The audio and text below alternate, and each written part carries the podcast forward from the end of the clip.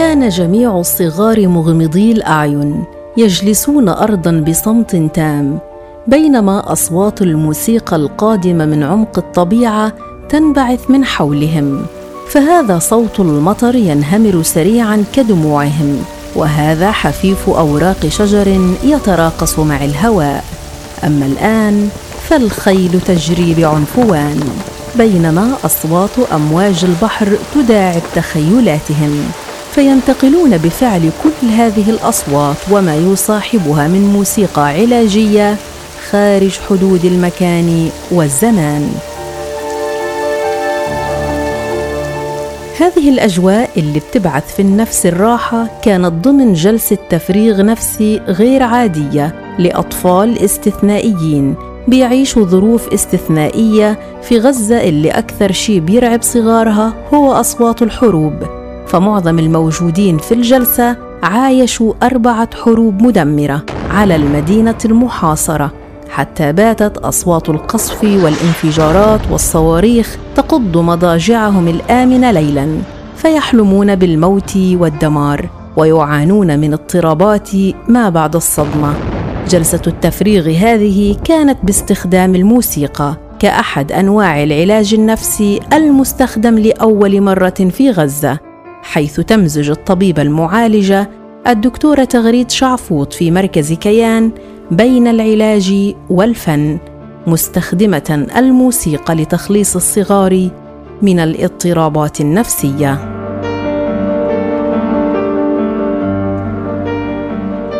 بشكل خاص لما إحنا بدنا نحكي عن أطفال قطاع غزة أنت بتحكي عن حالة استثنائية بتتعرض للضغط النفسي بسبب الحروب اللي والانتهاكات اللي بيمارسها الجانب الإسرائيلي على أبناء شعبنا الفلسطيني.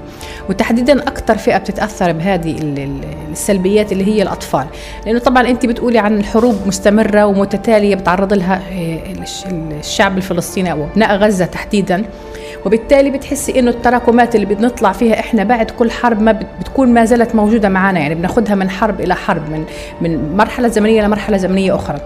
وبالتالي الأشياء السلبية هذه بتخزن في ذاكرة الأطفال من مشاهد إيه، مشاهد الدماء والقصف والشهداء والأشلاء بتحد من نمو العقلي والتدفق النفسي في مجال التربية والتعليم والعمل للأطفال. فبالتالي بنلاحظ إنه التفريغ الانفعالي أصبح ضروري جدا لهذه الفئة من الأطفال. لأنه يعني طبعا إنعكاساتها السلبية بدأت تبلش. تظهر علينا على الأطفال في في الساحة مثل التأخر الدراسي والتسرب المدرسي إيه، المشكلات السلوكية والتربوية اللي إحنا بنلاحظها على الأطفال سواء في المدرسة أو في الشارع أو في في, في الأسرة.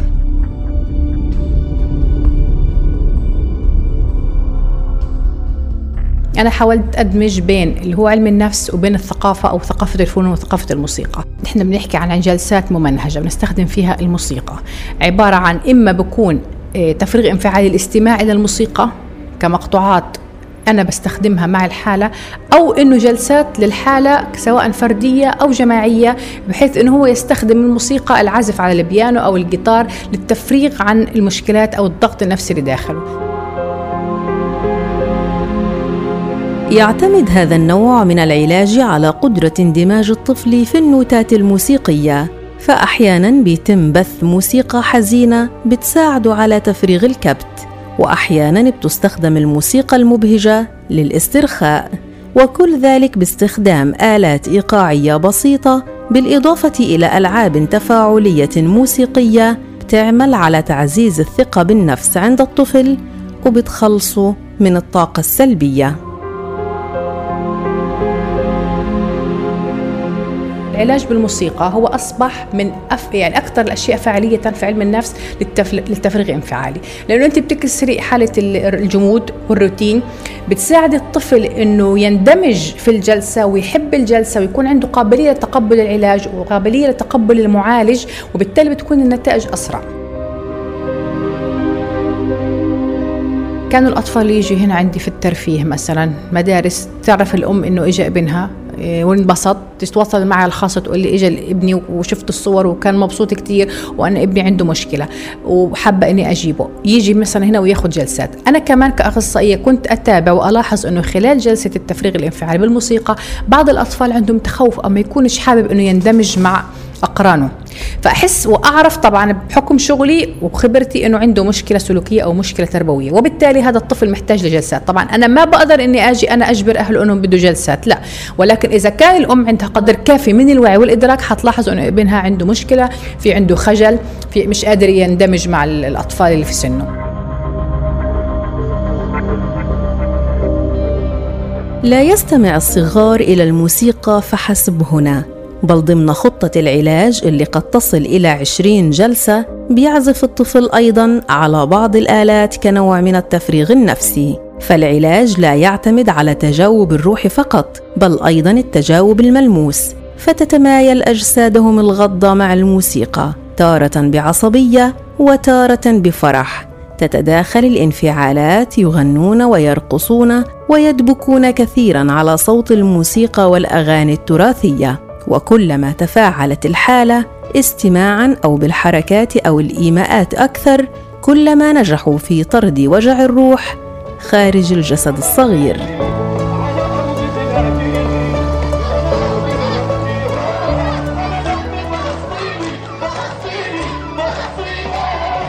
أنا معي عمري 12 سنة عشت ثلاث حروب من غزة. نفسية نفسيتي تأثرت زي كل زي كل أطفال غزة. لكن في هاي السنة مدرستنا عملت لنا إشي غير بالموسيقى. واستمتعنا كتير وحبينا هذا الإشي. كنا نطبق ونرقص ونغني والأجواء كانت كتير حلوة.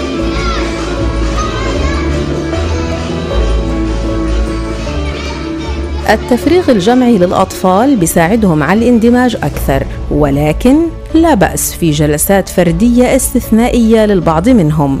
فآثار الحروب والضغوط النفسية اليومية وسوء المعيشة العام في غزة كان له انعكاسات مختلفة من طفل إلى آخر، لكن بالمجمل يعاني الأطفال هنا من الكثير من الاضطرابات، فحسب منظمات حقوقية فإن حوالي 80% من أطفال غزة يعانون من الاكتئاب والحزن والقلق، لكن بعضهم يصل لمرحلة مرضية تستدعي التدخل العلاجي المكثف.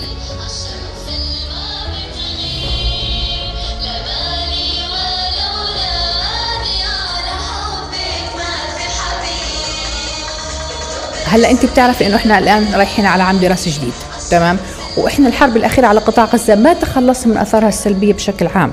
وبالتالي بتلاقي إنه من الحاجة الملحة والضرورية إيه، قبل إنه ما يفوت الطالب أو الطلاب في المدر في العملية التربوية أو العملية التعليمية محتاجين تفريغ انفعالي في أول شهر من المدرسة. فإحنا كنا ننفذ معاهم إنه يجوا عندنا هنا الطلاب بالتنسيق مع مدارس الوكالة نعمل لهم يوم مفتوح عبارة عن ترفيه عبارة عن الاستماع للموسيقى تحس إنه الأطفال بيفرغوا عن اللي جواتهم من خلال الاستماع على مقطوعات موسيقية هادفة. أنا بهدف من خلالها إني أنا الطفل يطلع كل ما بداخله من كبت إما عن طريق العزف أو عن طريق الاستماع للموسيقى أو عن طريق الغناء أو إنه حتى الإنسان أو الطفل يبلش إنه هو يتعاطى مع النغمة الموسيقية. هذا بيخليه كثير يفرغ من الضغوطات النفسية اللي جواته.